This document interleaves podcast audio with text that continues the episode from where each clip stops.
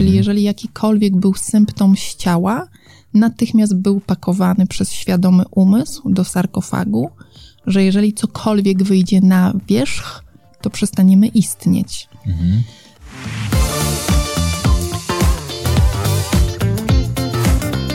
To w pewien sposób sobie tę płeć potrafimy wybrać mhm. Po to, żeby być nadal kochanym i widzianym przez rodziców, mhm. pomimo że jest to tak naprawdę zabijanie siebie każdego dnia.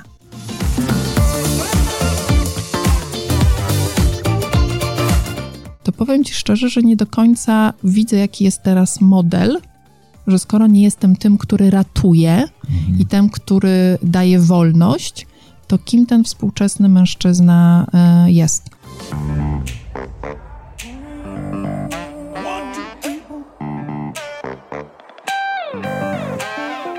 Od jakiegoś czasu transpłciowość stała się tematem coraz częściej poruszanym publicznie. I to jest bardzo pozytywne. Smutne jest to, że często mówiąc o transpłciowości, zapominamy o człowieku. Mówimy o zjawisku, zapominając, że za każdą tranzycją stoi bardzo konkretna osoba. Mężczyzna lub kobieta, którego tożsamość płciowa, czyli płeć, z którą się utożsamia, jest lub była odmienna od tej, która została przypisana przy urodzeniu. Wspólnie z filmą Galderma zapraszam na kolejny odcinek podcastu Męskość ma wiele twarzy. Dzisiejszą rozmówczynią jest Iwona Bobrowska-Budny, Dziękuję za zabranie mnie do świata, w którym płeć nie jest wyborem, a tranzycja jest drogą i walką. Drogą do odzyskania spójności i walką o siebie.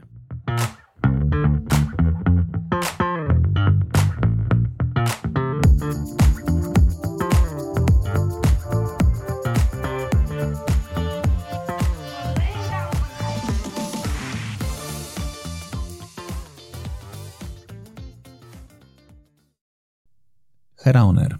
Wywiad rzeka z tymi, którzy płyną pod prąd. A co z tymi, którzy weszli w nie swój nurt i z nim trochę popłynęli?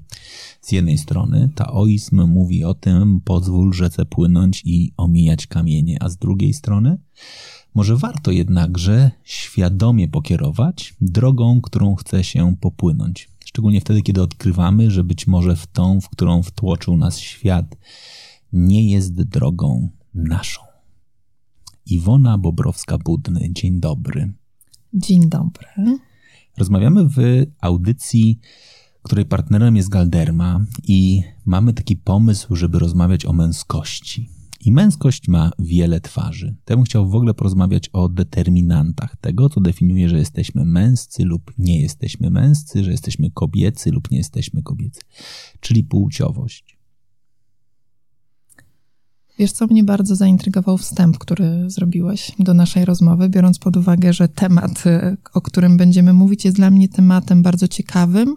Z jednej strony pięknym, mówiącym o tym, no właśnie, jeżeli ja płynę nie w swoim y, ubraniu, nie w swoim stroju, może czasami też nie w swoim kierunku, e, ale właśnie ten element takiego świadomego y, wyboru, przed którym niektórzy z nas stają, tak, czy zostają postawieni. Mhm. Także ten wstęp był bardzo taki dla mnie głęboki.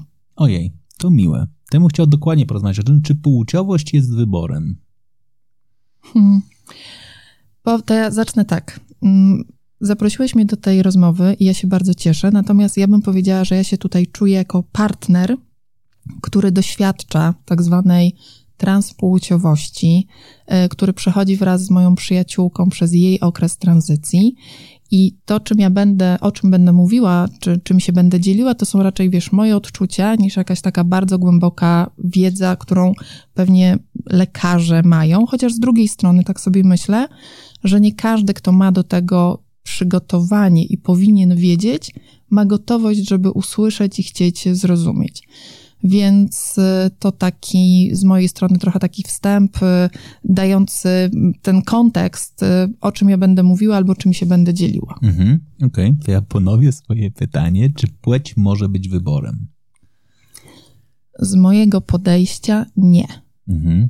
Chyba, że uznamy, że wyborem o tyle, że ze względu na warunki społeczne, na to, w czym jestem, to ja zmuszę się do tego, żeby być tym, kim stworzyło mnie moje opakowanie. Y, natomiast od strony takiej psychologicznej może być tak, że moje opakowanie do mnie nie pasuje.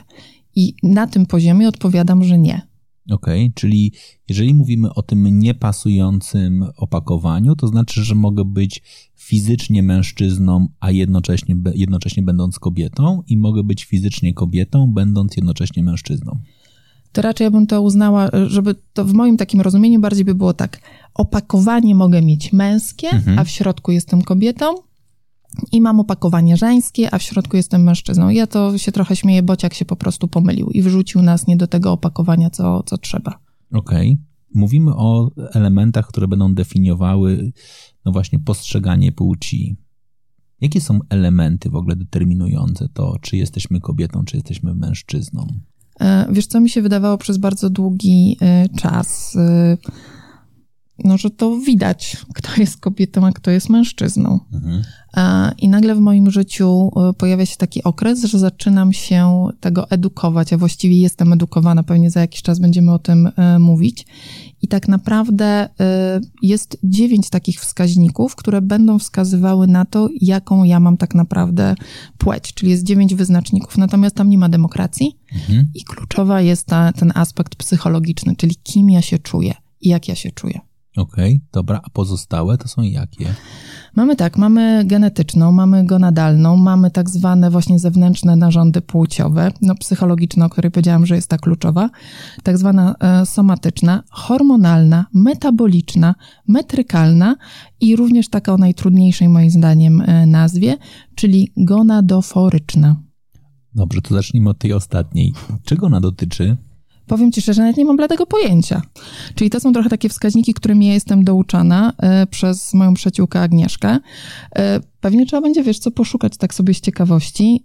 Y, z mojej perspektywy ten aspekt, że tego jest tyle, a ja mając lat 46, słyszę o tym po raz pierwszy i ty też zadajesz mhm. pytanie, ja ci na to nie odpowiem, co dalej mówi o tym, że my naprawdę nic nie wiemy. Mhm. I to jest dla mnie przerażające. Mam córkę, która ma lat 19, ona ze względu na swoje otoczenie wie trochę więcej, mhm. ale nie miała tego na lekcjach e, biologii.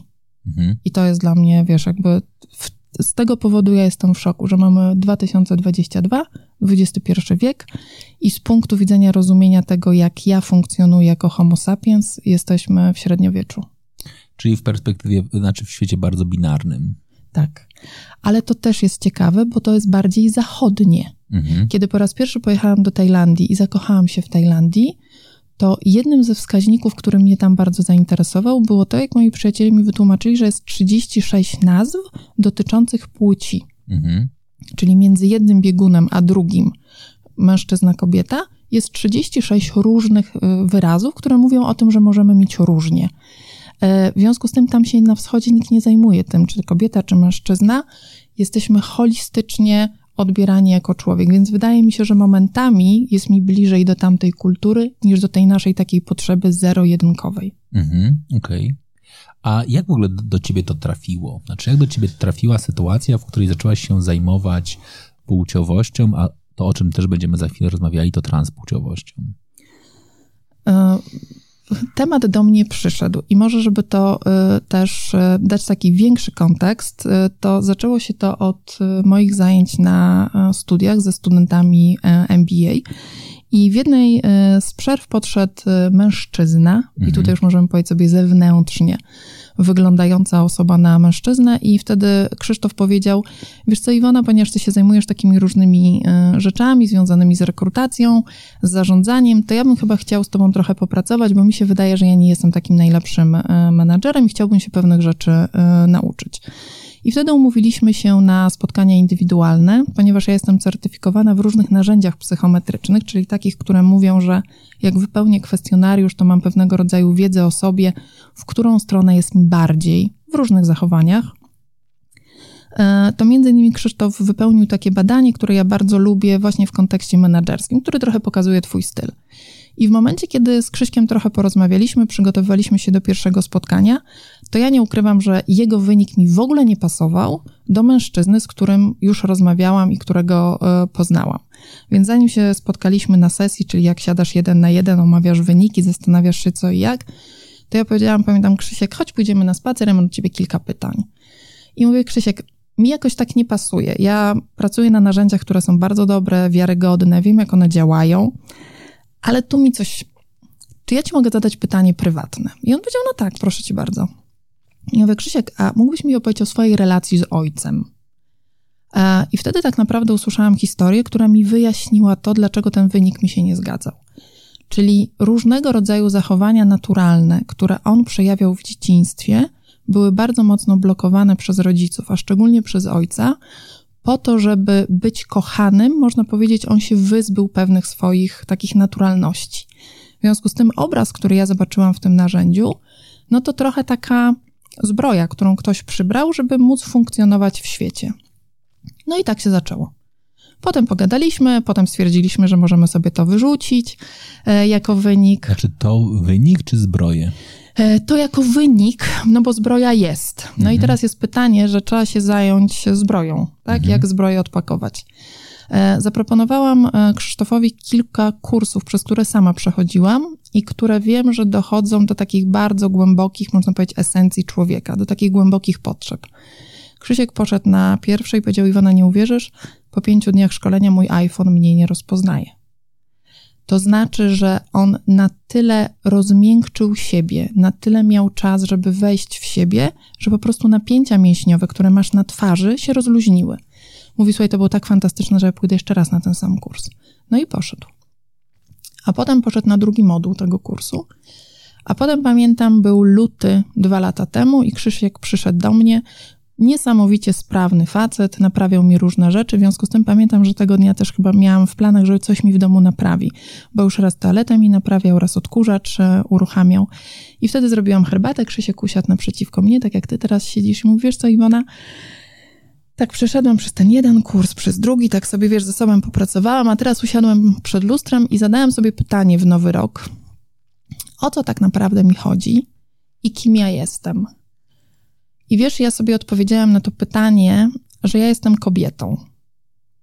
I ja pamiętam jak dziś, tak jak siedzę teraz naprzeciwko ciebie, mówię: Okej, okay, Krzysiek, wróć jeszcze raz, bo ja nie nadążam i chyba też nie rozumiem, co ty do mnie mówisz. I on powtórzył całą tą historię, i wtedy zrozumiałam, co on do mnie mówi. Czyli zrozumiałam, że siedzi przede mną opakowanie mężczyzny, Natomiast w środku są te wszystkie emocje, energie, to wszystko, co mi tak bardzo imponowało w tym chłopaku, że fantastycznie się z nim rozmawia, że słucha, e, że ma taką gotowość do mm, brania pewnych tematów, które nie są wcale łatwe emocjonalnie i konfrontowania się z nimi. I on mówi, Iwona, ja, to nie jest tylko moje przeczucie, ja poszedłem też do lekarzy, zrobiłem sobie różnego rodzaju badania, wypełniać takie kwestionariusze, to strasznie długo trwało, wiesz, i oni mi powiedzieli, że to jest niesamowite, ale nie widzieli tak silnie potwierdzających wyników, że to jest prawda. Mhm. Czyli, że ja jestem kobietą. Ja mówię, okej, okay, i co dalej? No i tak naprawdę to jest taka, wiesz, odpowiedź na, na to twoje, że od tych dwóch lat przechodzimy razem, w sensie ja słucham, a Agnieszka jest w procesie tranzycji. Dzisiaj, kiedy nagrywamy tę, e, ten, ten nasz podcast, to jest taki piękny czas, kiedy Agnieszka już ma dowód mhm. z fantastycznym zdjęciem siebie jako kobiety. Mhm. Okej, okay, ale mówisz, że przez te dwa lata przechodzi proces tranzycji. To ja bym chciał najpierw powiedzieć, spojrzeć na to z perspektywy trochę medycznej i symptomów, czyli jakby co jej ciało mówiło e, o tym niedopasowaniu.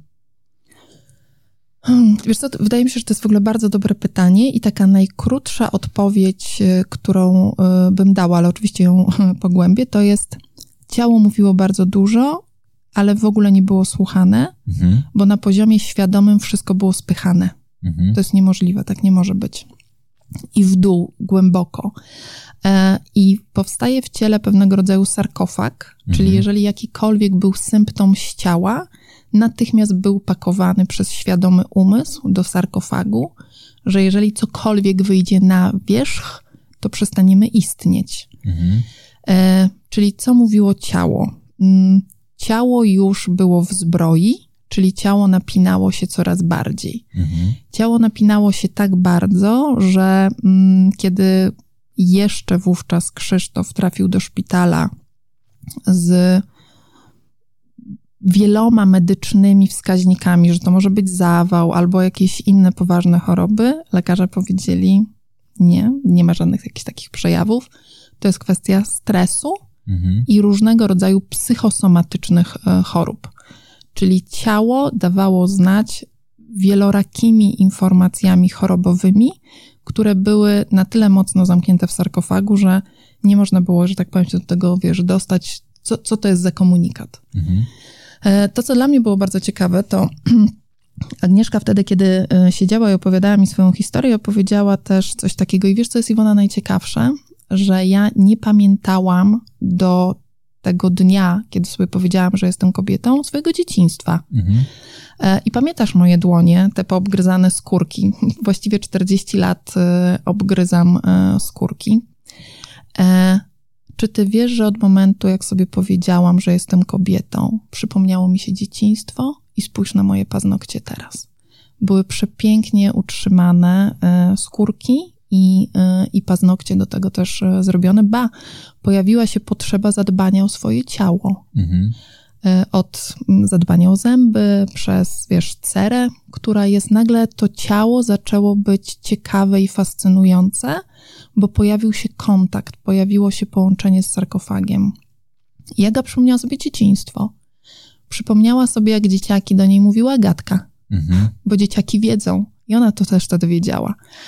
E, przypomniała sobie, jak się przebierała, ale to nie było akceptowane przez rodziców. I ponieważ już wtedy musiała to stłumić, mhm. to jakiekolwiek kolejne symptomy się pojawiały, wszystko natychmiast e, trafiało do sarkofagu. Tutaj mogę dać taki swój kontekst, e, który jest dla mnie bardzo ważny. Każdy z nas, jako Homo sapiens, chce przeżyć. Mhm. W związku z tym dzieciaki, jak są y, małe i my, jak jesteśmy duzi, my mamy tak naprawdę trzy podstawowe potrzeby. Mhm. To jest mhm. potrzeba więzi, czyli bycia widzianym. To jest na poziomie atawistycznym, że po prostu dostaniemy jeść. A jak jesteśmy starsi, to nie zostaniemy wyrzuceni z plemienia, mhm. i nie rozszarpie nas e, lew. To jest potrzeba rozwoju, czyli mhm. cały czas jakiegoś uczenia się, jakichś wyzwań, jakiegoś działania, ale również potrzeba strukturyzacji czasu, czyli rozumienia, w jakich ramach, jak ja e, funkcjonuję. W związku z tym ta potrzeba więzi jest tak silną, że dziecko jest w stanie odciąć sobie rękę, mhm. jest w stanie zaprzeczyć swojej płci tylko po to, żeby być kochanym. Mhm. E, I tak wiesz co, jak sobie o tym w ogóle myślę z perspektywy tego twojego pierwszego pytania, co do płci, e, to w pewien sposób sobie tę płeć potrafimy wybrać mhm.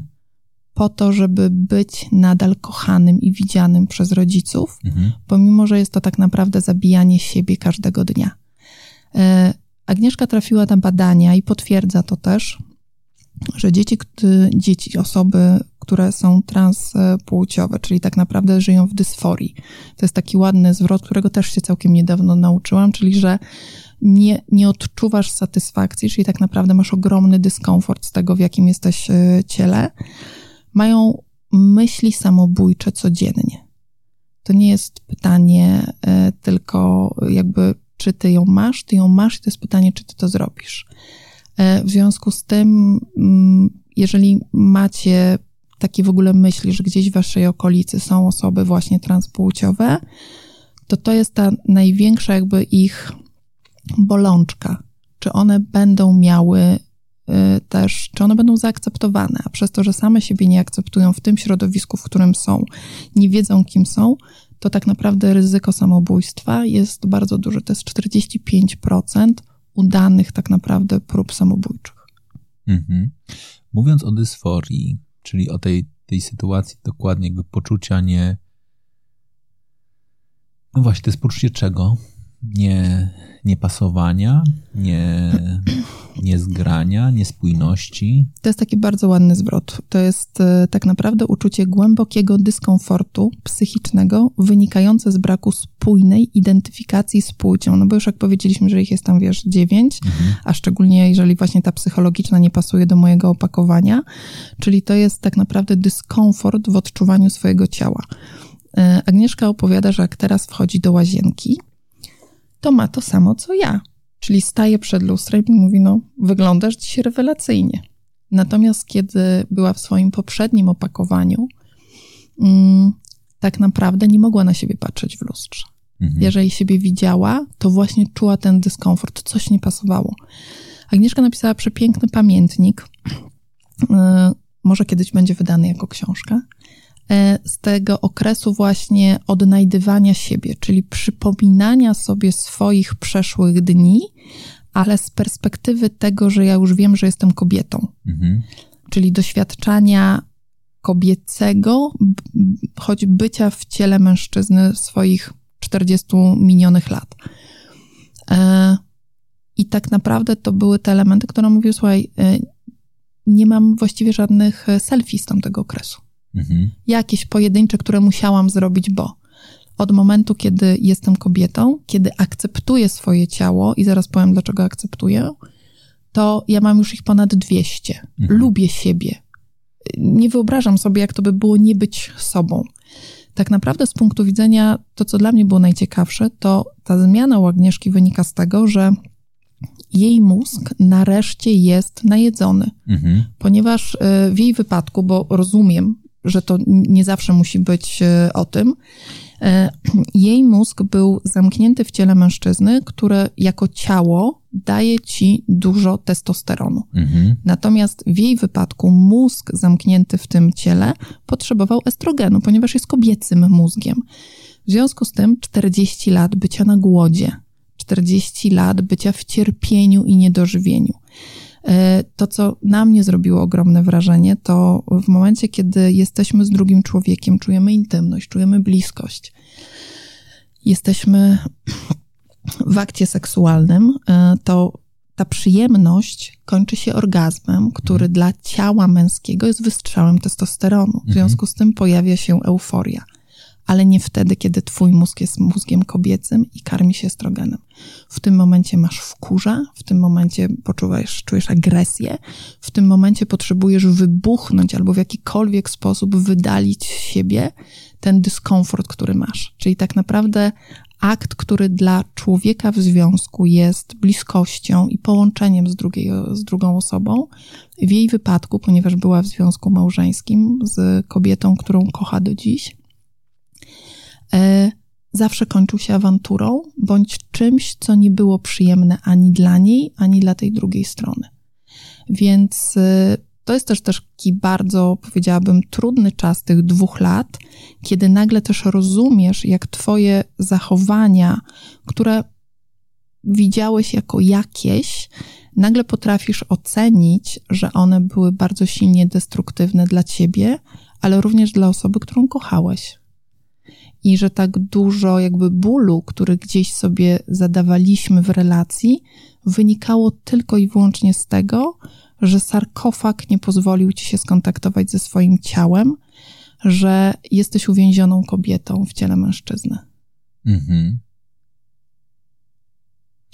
My się sami, że tak powiem, staramy uwięzić, czy bardziej to jest uwięzienie jakby społeczne? Wiesz co, wydaje mi się, że to jest trochę pytanie jajo czy kura, w zależności pewnie jak to się zaczęło.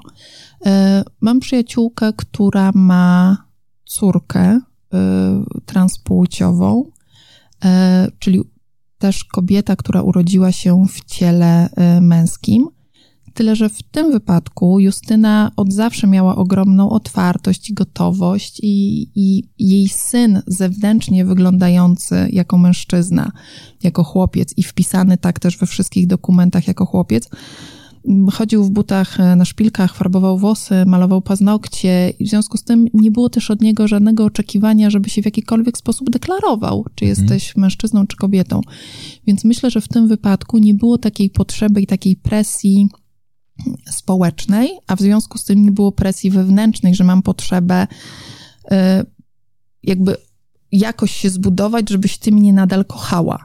Natomiast akurat w wypadku, myślę, tych wcześniejszych pokoleń, y, bądź osób, które nie mają na to takiej gotowości, mm, no to dziecko jest konfrontowane z tym, że albo będziesz jakieś, albo nie będziemy cię kochać. Mhm a jednocześnie mówimy, że ta potrzeba kochania, bycia kochanym i akceptowalnym jest jedną z fundamentalnych.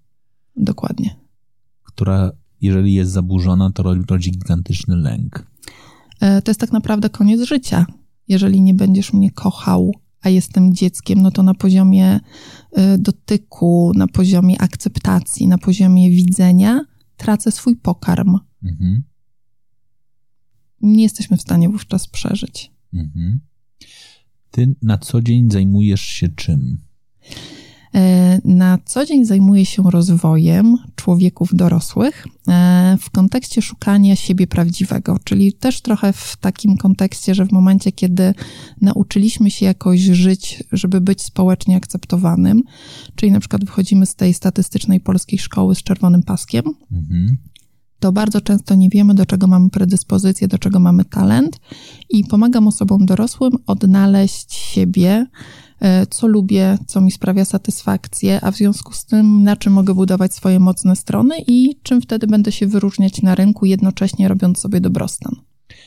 Okej. Okay. Ja celowo o to pytam, wiesz, bo ja mam takie trochę przekonanie, że są trzy hasła, które robią gigantyczną karierę w świecie korporacji, a jednocześnie na poziomie tego, co ty mówisz, często są tylko deklaracją. To jest diversity, inclusion i autentyczność. Znaczy, my mówimy o zarządzaniu różnorodnością, my mówimy o włączaniu bez względu na to, kim jesteś, ale przede wszystkim spójrzmy przez talenty, które nam dajesz i mówimy o autentyczności, czyli byciem sobą, a jednocześnie uważam, że my w ogóle nie jesteśmy inkluzywni, w ogóle nie, nie, nie pragniemy takiej, takiej różnorodności, a na poziomie autentyczności to już w ogóle autentyczność brzmi bądź taki, jak my chcemy, żebyś, żebyście, żebyście byli. Ty, żebyś była lub był. Nie chciałabym uogólniać, jednak jakoś się z Tobą zgadzam. E, I na pewno jakby z moich takich doświadczeń jest to, że te firmy, które faktycznie mają to nie, nie na sztandarach, ale w sercu, mhm. to raczej o tym nie mówią i raczej będzie to firm na rynku polskim pewnie mniej niż więcej. E, zgadzam się, wszystkie te trzy hasła są bardzo ważne. E, I to jest ten element, że my bardzo często siebie nie znamy, no bo jeżeli ja wychodząc po polskiej edukacji nie miałam tak naprawdę nigdy robionych badań kompetencyjnych, predyspozycji. Zawód wybierałem w taki sposób, że musiałem się zdeklarować w wieku lat 16, czy bardziej ścisłe, czy bardziej humanistyczne, a jak nie wiedziałem, to mi rodzice powiedzieli: idź na księgowego, to będziesz miał zawód e, bądź lekarzem, bo wszyscy jesteśmy lekarzami i zobacz, czeka na ciebie y, przychodnia. I jeszcze do niedawna myślałam, że może to są takie jakieś stare teksty, które powtarzamy, ale moja córka ma lat 19 i to są cytaty, które nadal jej koledzy i koleżanki z klasy y, słyszą. E, więc jeżeli my tego jakby nie badamy sobie wcześniej, nie rozmawiamy o tym, no to potem trudno jest tym zarządzać. Stąd między innymi ludzie przychodzą sobie na studia podyplomowe, na MBA je też między innymi, żeby zacząć siebie w pewien sposób y, oglądać. Albo jak przychodzą na te studia po wiedzę, to przy okazji oglądają siebie i odkrywają bardzo dużo ciekawych rzeczy. E, I śmieję się właśnie, że jak ktoś przychodzi na takie studia, które naprawdę są dużym procesem, zmieniają mindset, to czasami odkrywają rzeczy, których w ogóle nie planowali, czyli e, mogą być prywatne zmiany, rozwody, bo nagle odkrywają, że są zupełnie nie w tym miejscu, w którym by chcieli, zmieniają organizację, bo zaczynają doświadczać, że to nie są tylko hasła, te, które wymieniłeś, tylko tak można żyć i że chcą tak żyć. Ale jak już powiedziałam, również e, Agnieszka zmieniła swoją płeć, a zaczęło się od studiów. Mhm, Okej. Okay. Znaczy ja pytam trochę o to, bo ja bardzo mocno wierzę w to, że akurat kontekst, w którym rozmawiamy, czyli medycyny estetycznej, to staramy się pokazywać, że medycyna estetyczna jest funkcjonalna, co w praktyce oznacza, że ona jest po coś. Tak, że jeżeli mówimy o tym, że zmienisz i zredukujesz napięcie, na twarzy, to nagle okaże się, że będziesz miał lepsze relacje z podwładnymi. Będziesz, będą oni cię postrzegali na tym samym spotkaniu, gdzie wcześniej cię postrzegali jako wściekłego szefa, który chciał ich zabić, jako osobę naprawdę życzliwie zainteresowaną poznaniem drugiej strony, bo ja zawsze będę mówił na poziomie werbalnym, czyli to, co mówimy, możemy zadać pytanie, dlaczego podjąłeś taką decyzję, i to zdanie kompletnie inaczej brzmi w uśmiechniętej czy też rozluźnionej twarzy, a inaczej brzmi w twarzy, która wyraża napięcie. I trochę chcę spytać o to z perspektywy właśnie organizacji. Czy organizacje dzisiaj mają swoją gotowość do tego, żeby, no właśnie, rozumieć płciowość, bo to jest temat, który mnie trochę interesuje, rozumieć różnice między płciowości, zastanawiać się, jak wykorzystać męski, żeński styl zarządzania, komunikacji, relacji. Budować i czerpać z tego, a nie, a nie wciskać kogoś. Typu musisz być twardszy, bardziej stanowczy, mniej dyrektywna i tak dalej, lub w jakikolwiek inny sposób. E, na pytanie, czy organizacje są gotowe, to odpowiedź brzmi, czy menadżerowie w tych organizacjach są gotowi. No i teraz zależy. E, jeżeli mamy organizację, która jest organizacją uczącą się, czyli taką, która widzi, że nie tylko pewnego rodzaju wyścig, hasło talenty albo kto może więcej, ale właśnie, że siła jest w grupie, mhm. czyli że potrzebujemy zrozumieć różne punkty widzenia E, I Google, z którym między innymi też e, kiedyś e, współpracowałam, i Rafał Plutecki dzielił się takimi badaniami, które mówią, że oni sobie zbadali, że im zespół jest bardziej różnorodny, ale również w kontekście seksualnym, mhm. płciowym i, i coś, co my tutaj mówimy sobie do jakiegoś czasu, że kobiety i mężczyźni. No to nie, to właśnie bardzo wiele wskaźników, to tylko wtedy tak naprawdę te zespoły są super efektywne. E, więc to jest pytanie, na ile ludzie, których my e, mamy w organizacji albo w organizacjach, w których my pracujemy, są otwarci, żeby faktycznie szukać dialogu. No bo różnorodność to jest to, o czym powiedzieliśmy, ale różnorodność to też są trudności, bo w mhm. momencie, kiedy nie rozumiemy różnorodności, to mamy konflikt. E, I dopiero jak zaczynamy rozumieć, co jest podstawą konfliktu, czyli co jest tak naprawdę tam na samym początku, czyli jaka jest, jaka jest różnorodność, no to jesteśmy w stanie tym zarządzić. E, jak pracowałam w HR-ach, to taki podstawowy konflikt, z którym przychodzili menadżerowie, to było to, że e, ten jest bezmyślny, a ten jest opornikiem. Czyli to jest ta najprostsza skala, która mówi o czasie, czyli jedni mówią czas to pieniądz, chodź do przodu, a drugi mówi nie wylej mi dziecka z kąpielą. I nagle jak zaczynamy nazywać tą skalę, że to jest po prostu czas, to ludzie mówią, aha, czyli ty nie jesteś uparty, albo ty nie jesteś w gorącej wodzie kąpany, tylko ty widzisz to i to, a ja widzę to i to, więc się dogadajmy. I jeżeli organizacje byłyby gotowe, czyli menadżerowie byliby skłonni się zatrzymać po to, żeby zobaczyć, jaką właśnie wartość wnoszą e, osoby z tą swoją różnorodnością, e, no to dla mnie wtedy idziemy do przodu. Agnieszka opowiada, że w jej organizacji e, wprowadzono dosyć dużo szkoleń dla współpracowników, dla menadżerów, żeby właśnie zrozumieli temat y, transpłciowości, żeby zrozumieli temat dysforii. I to jest taki czas, w którym ona po prostu teraz zaczyna doświadczać, jak to jest, jak się organizacja będzie zmieniała, jak ludzie zaczynają wiedzieć. W związku z tym możemy się spotkać za jakiś czas na odcinek y, drugi. Czy organizacja, która dostaje wiedzę, ludzie, którzy chcą z tej wiedzy skorzystać, potrafi się zmienić? Bo ja wierzę głęboko, że tak. Y, natomiast to jest ta przestrzeń, czy my sobie na nią pozwolimy, czy po prostu pędzimy e, do przodu, albo trzymamy się jakiegoś starego schematu, że e, rodzice tak żyli, dziadkowie tak żyli i my tu w Polsce tak żyjemy. To skoro mówimy o tym, że jakby organizacje się zmieniają, organizacje się uczą i starają się zrozumieć, to jaka jest wartość dla osoby, która odkrywa, że chce zrozumieć siebie, tak? Czyli o, oprócz dysforii, która pokazuje dyskomfort, to ona może mnie pchnąć w kierunku właśnie rozwojowym, poznania siebie i rozpoczęcia procesu zmiany. Bardzo trudnej, to już on trwa dwa lata, pewnie jeszcze pewnie będzie trochę trwała. A jaka jest główna wartość? E, żyjesz swoim życiem. Mhm. Jesteś sobą.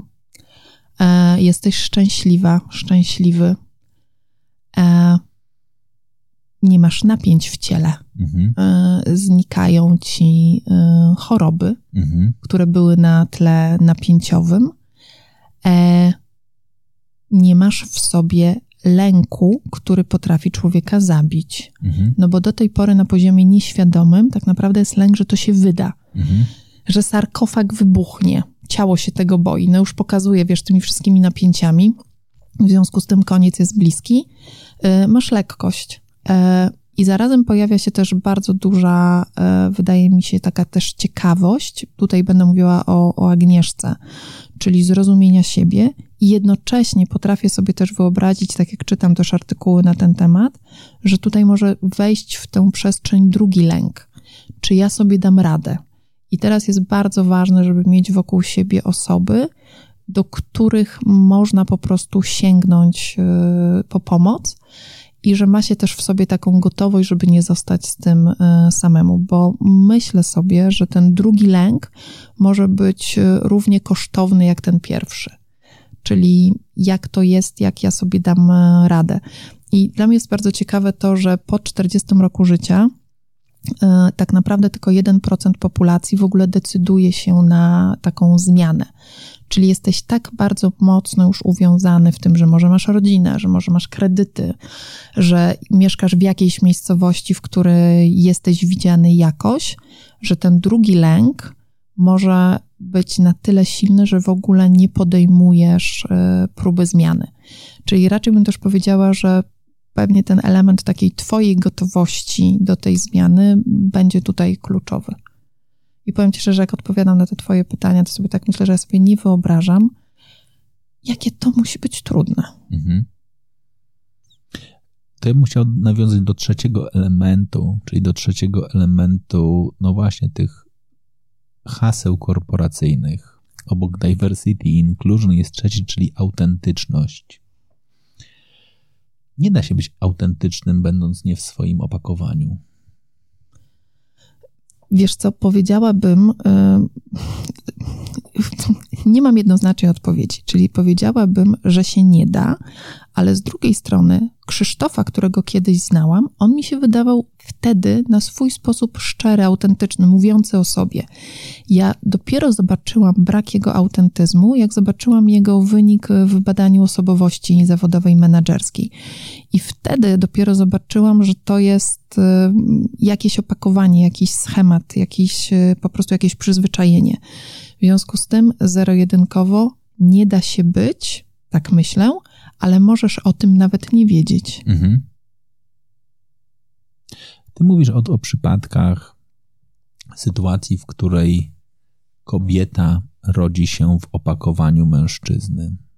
Masz jakieś dane dotyczące, jak jest w drugą stronę? Bo ten świat, w którym rodzisz się w opakowaniu kobiety, będąc mężczyzną, wydaje ci się szczególnie na tym początkowym etapie rozwojowym bardziej ci sprzyjać. Tak? Znaczy, nawet jak mówimy o przebieraniu się, no to dziewczynka chodząca w ubraniach dedykowanych chłopcom nikogo nie stresuje. Mhm. Po prostu. Tak. Tak? Znaczy, to jest taki moment, w którym zakładasz spodnie, tak. idziesz z chłopakami jakbyśmy byli w dawnym mhm. świecie, strzelać z procy i chodzić po drzewach jest ok. W nowoczesnym świecie grasz w inne gry komputerowe i też jest ok. Mhm. I ten, ta presja społeczna jest trochę mniejsza. E, wiesz co, nie znam badań.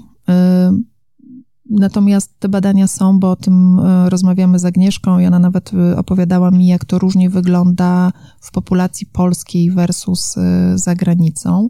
Czyli jakby ten model prawdziwego mężczyzny w Polsce mhm. jest dużo bardziej taki skostniały i narzucony jako pewnego rodzaju model, z którego osoba, która wygląda jak mężczyzna, mm, trudno jest się z tego wyzwolić. Jest to inaczej niż za granicą.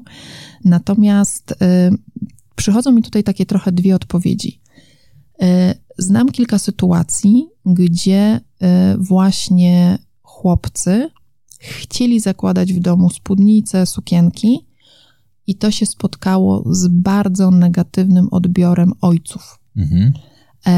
Ale do tak silnego, do tak silnych zachowań, że było to bardzo dużym też napięciem dla e, matek. Mhm. Czyli jak ochronić dziecko nie tylko przed społeczeństwem, pozwolić być mu sobą i jednocześnie ochronić przed mężem, ojcem, nie rozwalając własnego małżeństwa. Mega obciążające. Nie no, bo społecznie tak w naturalny sposób to się wydaje bardziej bardziej akceptowalny. Mało tego, myślę sobie, że jak mówisz dokładnie o tej, o tej osobie, która jest często tą osobą wspierającą lub karzącą, czyli ojca, to ojcowie bardzo lubią córki, które starają się, które się rodzą, znaczy synów, którzy się rodzą w, w ciele córek, czyli które myślą, że tak będą, bo je można zabrać na ryby, z nimi można pojechać na mecz i kumple nawet mówią, wow, ta twoja córka to jest taka, to będzie twarda babka. I w ogóle to jest ciekawe, że określenie przymiotnika pozornie definiowanego jako męski, czyli twardy, twarda babka jest pozytywne. I powiedzenie przymiotnika, który pozornie jest kobiecy i powiedzenie miękki facet jest, powiedziałbym, ma taki wymiar bardziej już negatywny, stygmatyzujący. Tak? I teraz z tej perspektywy, z perspektywy świata, ja muszę też nas uwrażliwić, bo chcę pokazać o jednej rzeczy. To, że początkowy świat może nas wspierać bardziej w tej drugiej rzeczy, wcale nie oznacza, że długoterminowo to może być wspierające. Tak? Znaczy, bo to może tylko oznaczać, że to jest taka trochę bomba z opóźnionym zapłonem, że ta dodatkowa akceptacja do tego, że jesteś odważną, zdeterminowaną kobietą, mimo tego, że urodziłaś się mężczyzną w świecie po prostu kobiety, wcale nie znaje, to będzie, później może być jeszcze bardziej niezrozumiałe pod tym, o co ci chodzi. Tak? Mhm. Szczególnie w momencie, w którym pojawiają się jeszcze silniejsze bodźce hormonalne i kiedy pojawia się element dojrzewania chociażby. Tak? I wtedy ten głód hormonalny może mieć gigantyczne znaczenie. E, wiesz co, w stu procentach. I teraz nawet mi przyszło coś takiego, że nawet to, za co na początku mogłam dostawać pozytywne wskaźniki jako mhm. dziewczynka, czyli że jestem właśnie taka twarda, czyli że ja z moim ojcem gdzieś, albo właśnie, że e, znajomi taty doceniali to i mam taką e, w swoim otoczeniu Że chodziłam na mecz i krzyczałam, no. Tak, i znała wszystkich zawodników mhm. we wszystkich tam drużynach w jakimś tam okresie, to w pewnym momencie może to być dla mnie też jako kobiety w przyszłości znowuż minus, no bo w mhm. pewnym momencie nie będę w tym kanonie. Czyli to trochę to jest tak, że to zależy od kontekstu. Czyli kiedy jestem obserwowana przez tatę i, i jego otoczenie, to to może być plus, ale za chwilę, jak będzie to otoczenie damskie, no to dostaję minus. I sobie tak myślę, że to jest w ogóle taki aspekt, który właśnie te nazewnictwo, kobieta, mężczyzna, twarda, miękka, że to jest tak strasznie stygmatyzujące i że to wcześniej czy później będzie nam wychodziło bokiem, czyli wcześniej czy później będziemy to chować do naszych sarkofagów. Mhm. E, no bo to jest po prostu ocenne. Mhm.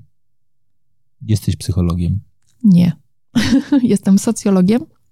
E, interesuję się w ogóle człowiekiem jako takim. Interesuje mnie bardzo w ogóle, jak funkcjonuje człowiek e, w takiej, wiesz, przestrzeni społecznej, zawodowej, a właśnie oglądając sobie, że my mamy tak dużo różnorodności, od motywatorów, stylów poznawczych, no wartości nawet, na których funkcjonujemy, to, że my mamy tak ogromną różnorodność, że ciągłe nas gdzieś, wiesz, właśnie zamykanie w jakichś boksach, i wracając do naszej rozmowy, nawet w tym boksie tego podkreślania, że kobieta powinna być jakaś, a mężczyzna powinien być jakiś. Nawet jak teraz sięgamy do tych, wiesz, bajeczek z przedszkola i piosenek, które my mieliśmy, no, że to jest po prostu takie jednak mocno ograniczające. My jesteśmy mega różnorodni, w pewien sposób też mega skomplikowani. Mhm. To czym dla ciebie jest męskość? Powiem Ci tak, że ja się chyba w chwili obecnej pomału zaczynam gubić, dlatego że y, kiedy moja córka y, była mała, puszczała mi taką bajkę o smoku obiboku. To mhm. była bajka, która odwracała model, w którym ja byłam wychowana. Czyli model, w którym księżniczka siedzi i czeka, jak ją rycerz uratuje. Czyli ta męskość to ratuje niewiastę. I de facto przyznam się, że tak jak e, nauczyłam e, moją córkę i obserwuję kobiety, dziewczynki, które właśnie wzrastały, że nie trzeba czekać na rycerza, to powiem Ci szczerze, że nie do końca widzę, jaki jest teraz model, że skoro nie jestem tym, który ratuje mhm. i tym, który daje wolność, to kim ten współczesny mężczyzna e, jest. Natomiast z punktu widzenia tego, że wszyscy jesteśmy homo sapiens, to mężczyzna jest dla mnie człowiekiem, E, który, który ma takie samo prawo do budowania intymności jak kobieta, e, czyli do mówienia o swoich potrzebach, o swoich emocjach, e, o tym, czego potrzebuje, i pewnie gdzieś dużo bliżej mi jest do partnerstwa i do szukania porozumienia między sobą, niż do właśnie nazywania, że coś jest kobiece, a coś jest męskie. Mhm. E, nie gotuję od wielu lat, przestałam to lubić i nie czuję się przez to mniej kobieca. Jednocześnie uwielbiam, jak z miłością mój partner ma ochotę mi coś e, przygotować. Więc przyznam się, że chyba się też już trochę w tym gubię. Mhm z perspektywy stereotypów. Mówi się, że ładnym w życiu łatwiej. E, I słyszałam bardzo wiele odpowiedzi kobiet ładnych, które mówiły, że e, ładna to głupia mhm. i że wtedy trzeba było coś udowadniać. E, w związku z tym, znowu, to nie jest wszystko takie zero-jedynkowe. Natomiast na podstawie badań jest udowodnione, że tym, którzy są symetryczni, mhm. jest podobno łatwiej, bo po prostu jak patrzymy na drugą osobę i ona jest równa, mhm. to dajemy jej jakby większy taki kredyt zaufania na, e, na plus. E, I raczej bym popatrzyła na to, co robi mój mózg, oceniając drugą osobę, czyli jaki ma nawyk, czyli czego nauczył się w dzieciństwie. I może być tak, że to jest kwestia tego, co się w domu mówiło, albo co w domu było oceniane pozytywnie. Mhm. Więc okay. raczej bym powiedziała, wiesz, o nawykach, które mamy, a nie to, że komuś jest tam y, łatwiej.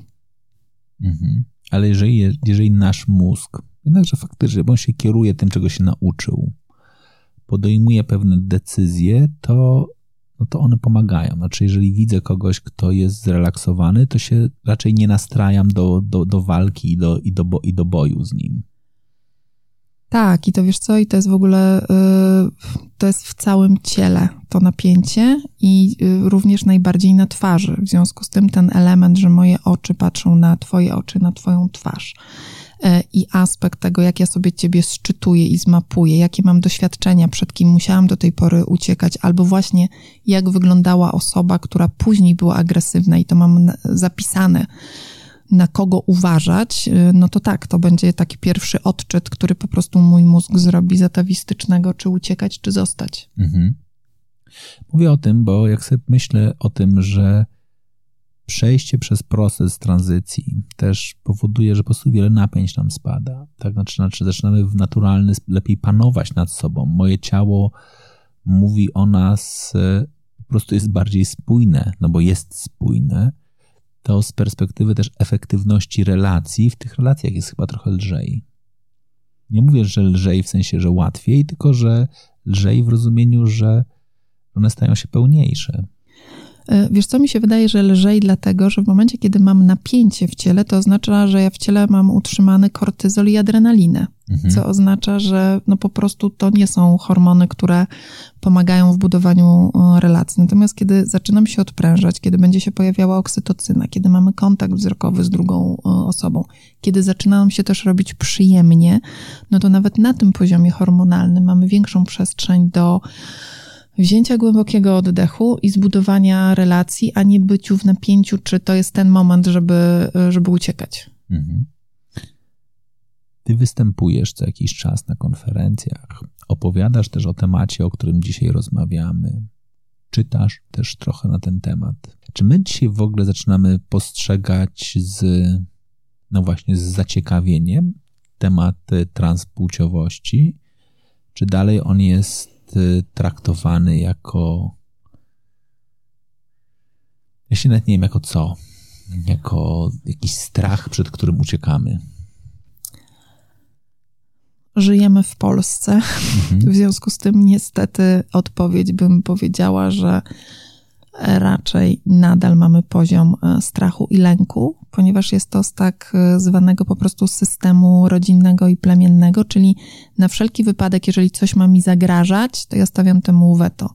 Chciałabym, żeby się pojawiła w naszej kulturze ciekawość, e, gotowość do usłyszenia takich historii, jak chociażby ta Agnieszki i setek, setek innych historii, szczególnie młodych ludzi, bo nie wiem, jak, jakie ty masz e, doświadczenie, ale w moim pokoleniu, e, jak byłam w szkole, miałam e, kolegę homoseksualistę Natomiast w ogóle o transpłciowości w ogóle w życiu nie słyszałam. Natomiast teraz, słuchając młodych ludzi, dla nich jest to temat taki sam jak każdy inny. Czyli rozumiem, że jest pewnego rodzaju większa otwartość dzięki różnym mediom społecznościowym do tego, żeby sobie zadawać takie pytania. Więc może jak to pokolenie trochę podrośnie, to zrobi się jakaś tutaj przestrzeń, trochę się będzie lżej oddychać. Mhm.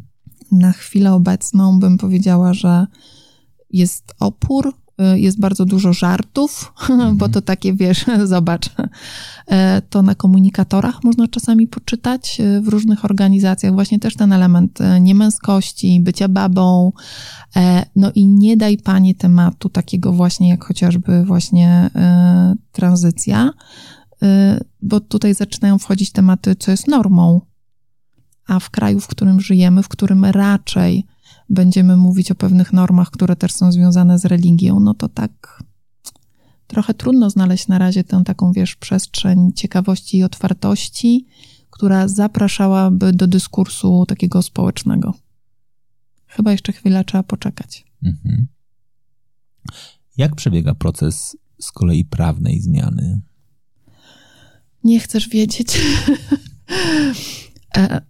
Powiem tak, ja podziwiam każdego, kto wszedł w ten proces, bo on w wypadku Agnieszki trwał dwa lata, a może trwać dużo dłużej, bo to nie jest zależne od ciebie. Mhm.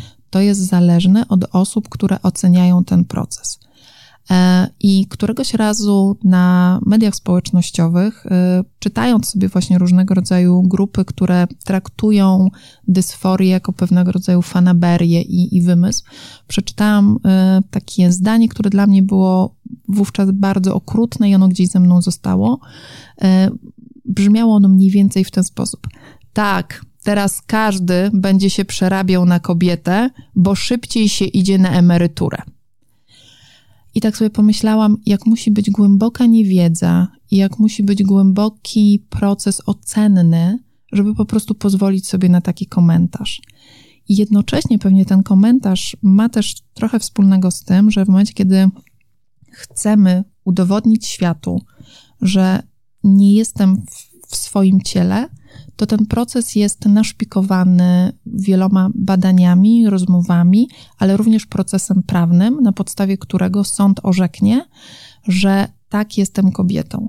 E, Agnieszka opowiadała o kilku takich punktach e, zwrotnych w swojej e, tranzycji, czyli oczywiście o setce różnych badań, które się wypełnia, kwestionariuszach, rozmowach, ale również między innymi sprawa sądowa, którą się wytacza własnym rodzicom, masz spotkanie z biegłym sądowym, który sprawdza, czy ty jesteś świadom, świadoma tego, co mówisz. I padają różne pytania, łącznie z tym, z kim chcesz teraz iść do łóżka i w jakiej pozycji chcesz to robić. E, jak wiele małżeństw gasi światło i nie rozmawia na te tematy, e, a tutaj masz przed sobą obcą osobę, która zadecyduje, czy ten proces będzie pomału szedł ku swojemu finiszowi, czy może jeszcze będę obserwowany, obserwowana i to potrwa sobie nawet do 8 lat. To jest bardzo trudny czas, ponieważ tak naprawdę ty już wewnętrznie wiesz, że jesteś kobietą, natomiast jak masz chodzić y, do pracy? No jesteś tam jeszcze mężczyzną. A y, jak masz, do której masz iść toalety, jak jesteś ze znajomymi w restauracji? Czujesz się e, kobietą, no ale jak wejdziesz do damskiej toalety, to będzie to e, dyskomfort. E, w związku z tym od strony prawnej w pewien sposób żyjesz w dualizmie, czyli jeszcze nie masz swoich dokumentów i nie masz prawa nazywać się kobietą, a jednocześnie wewnętrznie przygotowujesz się do tego. Sprawa sądowa to jest również udowodnienie sędziowi, sędziemu, sędzinie, że to, co mówisz, jest prawdą. W związku z tym y, jest, y, są przytaczane różnego rodzaju sytuacje z Twojego życia, które potrzebujesz w pewien sposób też obnażyć i, i pokazać. Myślę, że to jest bardzo trudny i bolesny proces, w którym musisz udowodnić komuś, coś, co dla ciebie jest naturalne. I myślę, że czasami się tego nawet nie da zrobić y, słowami. Y, podejrzewam, że też w tym okresie dla bardzo wielu osób trudnością jest to, że możesz być jedyną osobą, która to akceptuje. Czyli nie akceptuje mhm. tego twój partner życiowy, którego mogłeś, mogłaś mieć do tej pory. E, mogą nie akceptować tego twoi rodzice, e, przyjaciele, i może być to tak naprawdę walka o siebie z tym lękiem, o którym już mówiliśmy, czyli że będąc sobą, mogę być znowu nieakceptowany. Więc to jest taki proces, który ma bardzo dużo faz, które są y, bolesne od strony po prostu dokumentacji, któremu, którą musisz złożyć, ale również jest pełen różnych pułapek. Czyli na przykład dostaje się z sądu potwierdzenie, że tak, potwierdzamy, jesteś kobietą, i jednocześnie na samej górze jest na przykład napisane Krzysztof Radosław i Twoje nazwisko. I teraz się zastanawiasz, czy ktoś się pomylił, czy. E, a dla ciebie jest to bolesne, bo ty jesteś Agnieszką. I oczywiście, że można powiedzieć, że jest tylko wyraz i to jest na kartce. Tylko trzeba zrozumieć, że w tym momencie człowiek jest bardzo wrażliwy i to jest proces, który w pewien sposób jest takim cały czas e, poniżającym cię jako człowieka.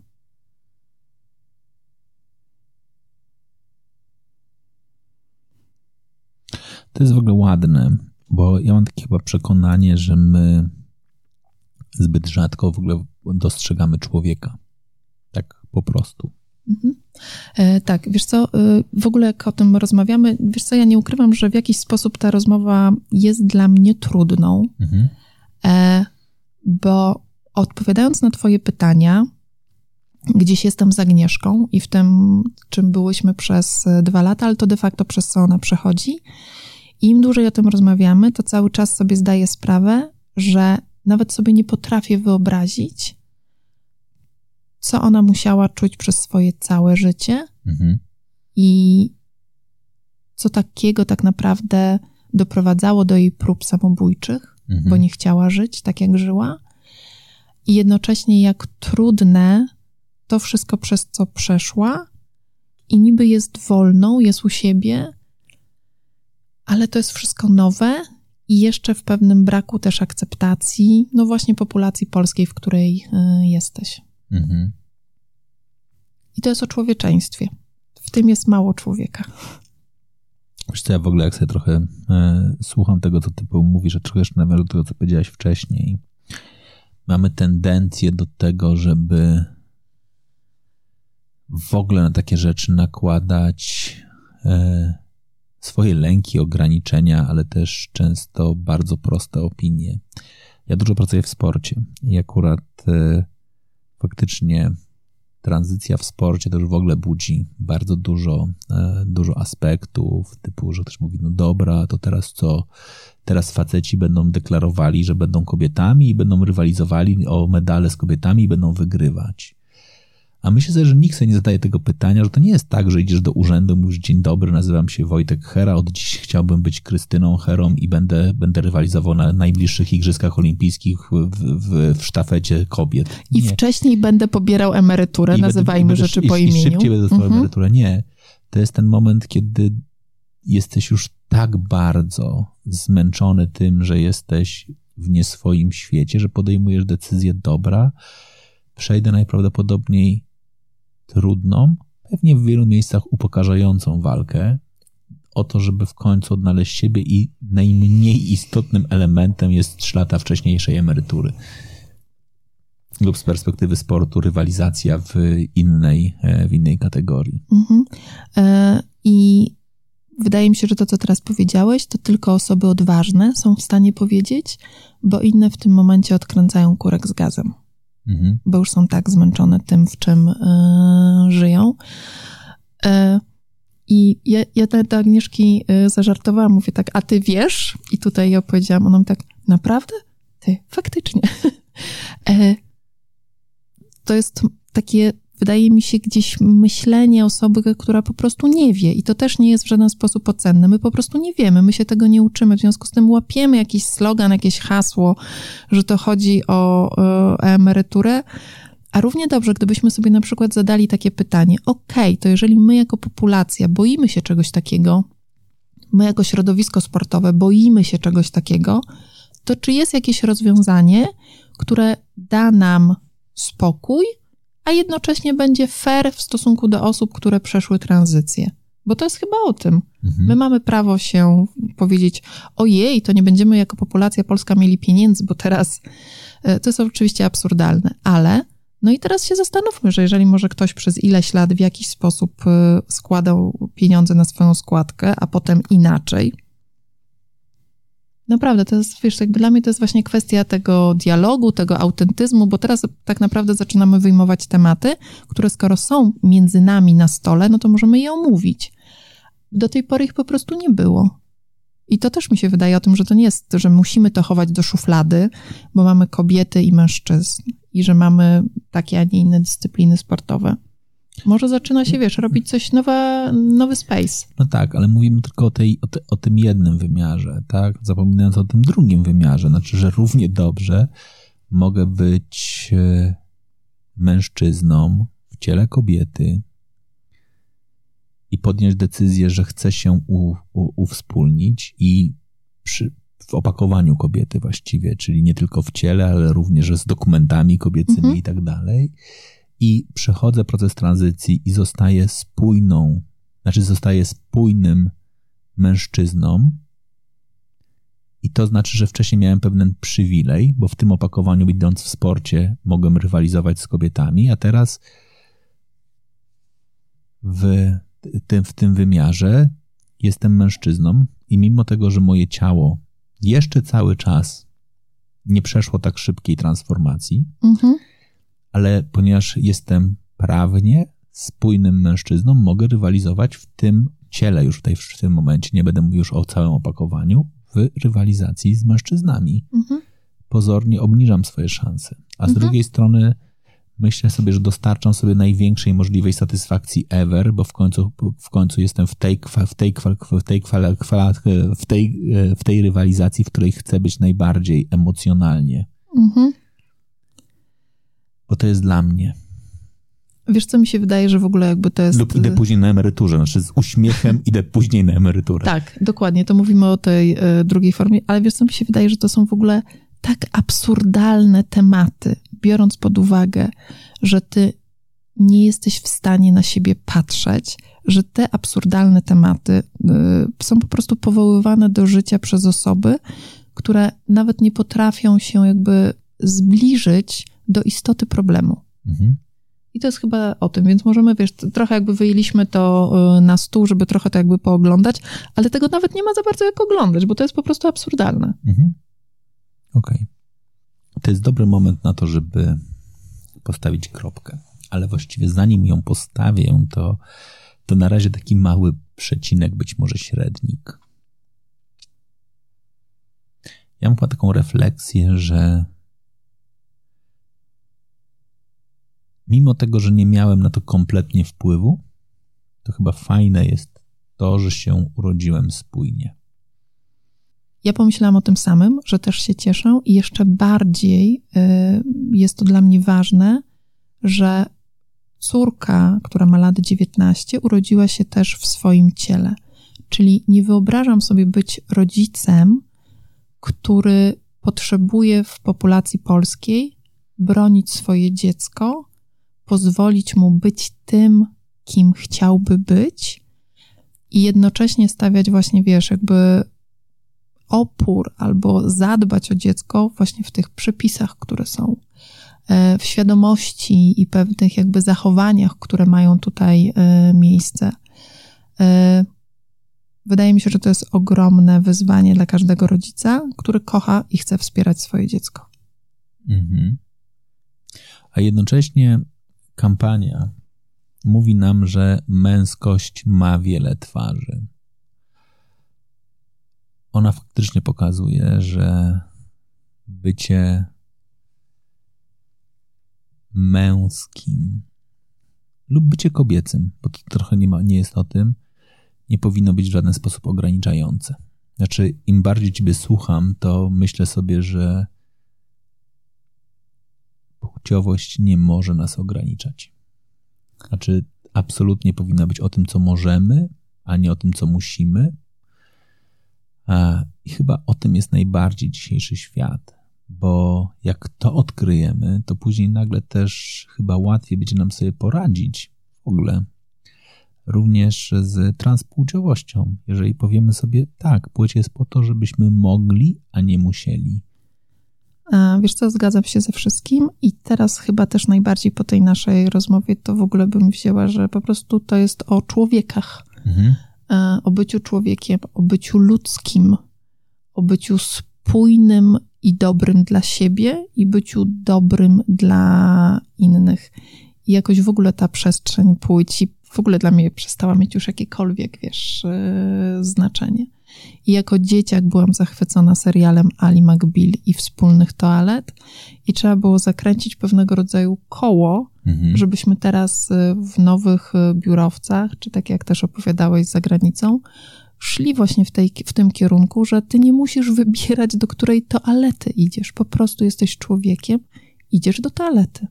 I to jest w ogóle temat, który, który może być tematem tabu, ale on czasami pokazuje dokładnie taki, taki, taką małą przeszkodę, która jest gigantyczną później przeszkodą, że ten pomysł, który ktoś wymyślił na toalety, które są e, podzielone, właściwie nie ma kompletnie sensu, bo obiektywnie rzecz biorąc, spójrzmy na strukturę toalety. Przedsionek, w którym jest umywalka i lustro.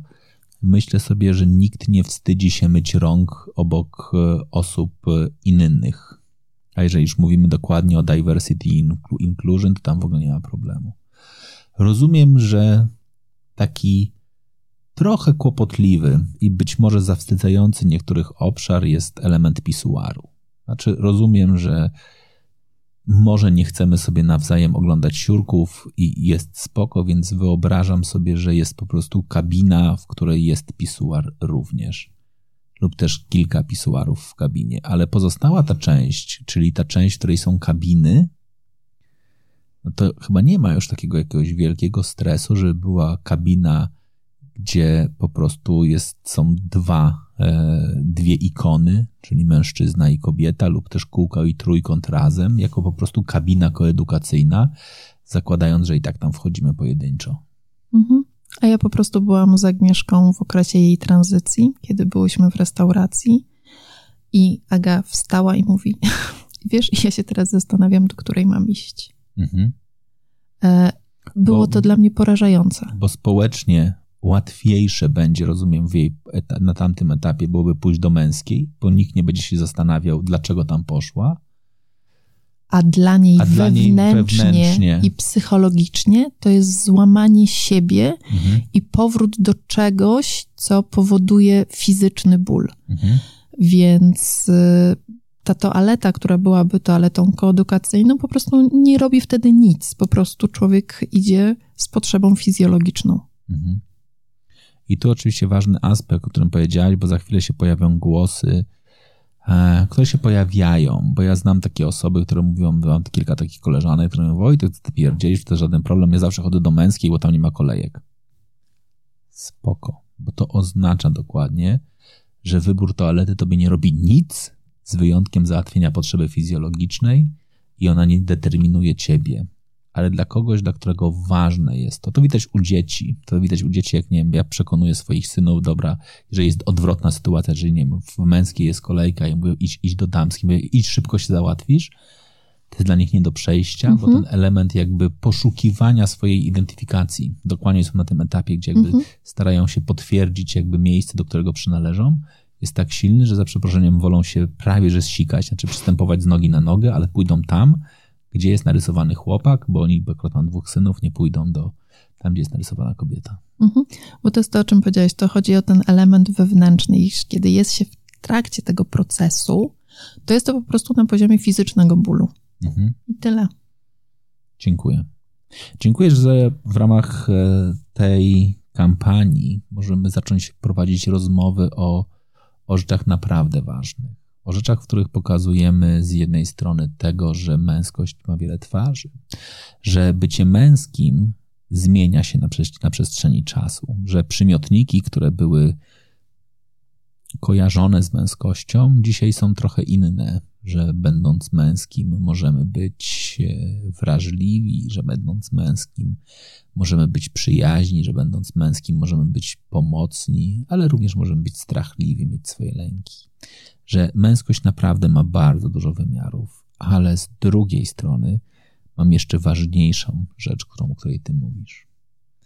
Że męskość może być wyborem i może być elementem, w którym mam prawo podjąć decyzję, że decyduję się na to, żeby być mężczyzną, mimo tego, że na początek urodziłem się w nie swoim ciele, a później świat wpakował mnie w opakowanie formalno-prawne, mhm. czyli nazywano mnie kobietą i w, dobie, i, i w, w dokumentach wpisano inną płeć niż ta, która jest moją płcią psychologiczną, z którą się najbardziej identyfikuję, plus dodatkowo w inne rzeczy. I tak samo w drugą stronę, jeżeli jestem i czuję się kobietą, a zostałam wpakowana w świat, którym ktoś mnie nazwał Karolem, Romanem, Krzysztofem, to mogę zawalczyć o to, żeby, żeby odzyskać spójność. Zgadzam się i marzy mi się taki świat, w którym nie trzeba byłoby o to zawalczyć, mhm. tylko po prostu byłoby to pewną, wiesz, taką ścieżką rozwojową. Mhm. Ale jednocześnie ja akurat stanę tej teraz na chwilę przeskoczę przez ten świat trochę bardziej konserwatywny, który mówi, że to nie powinno być ścieżką tu i teraz dokonuje wyboru, tylko powinno być ścieżką profesjonalną, opartą o badaniach, opartą o naukę.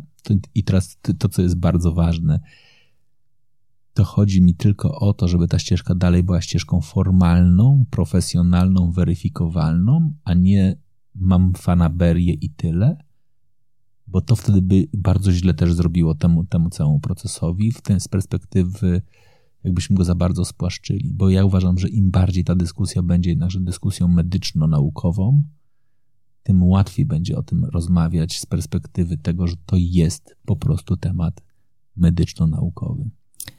E, zgadzam się. To jest ten element, że to nie może być mm, jakby fanaberia, mhm. bo to wówczas znowu nie będzie ze mną spójne. Dokładnie tak. I trzeba też komuś pomóc, żeby mógł sobie te elementy określić, a już jaką drogą, to pewnie będzie się to rozwijało właśnie w ramach tego, co będziemy coraz więcej wiedzieć y, o, tego, o tym, jak funkcjonujemy.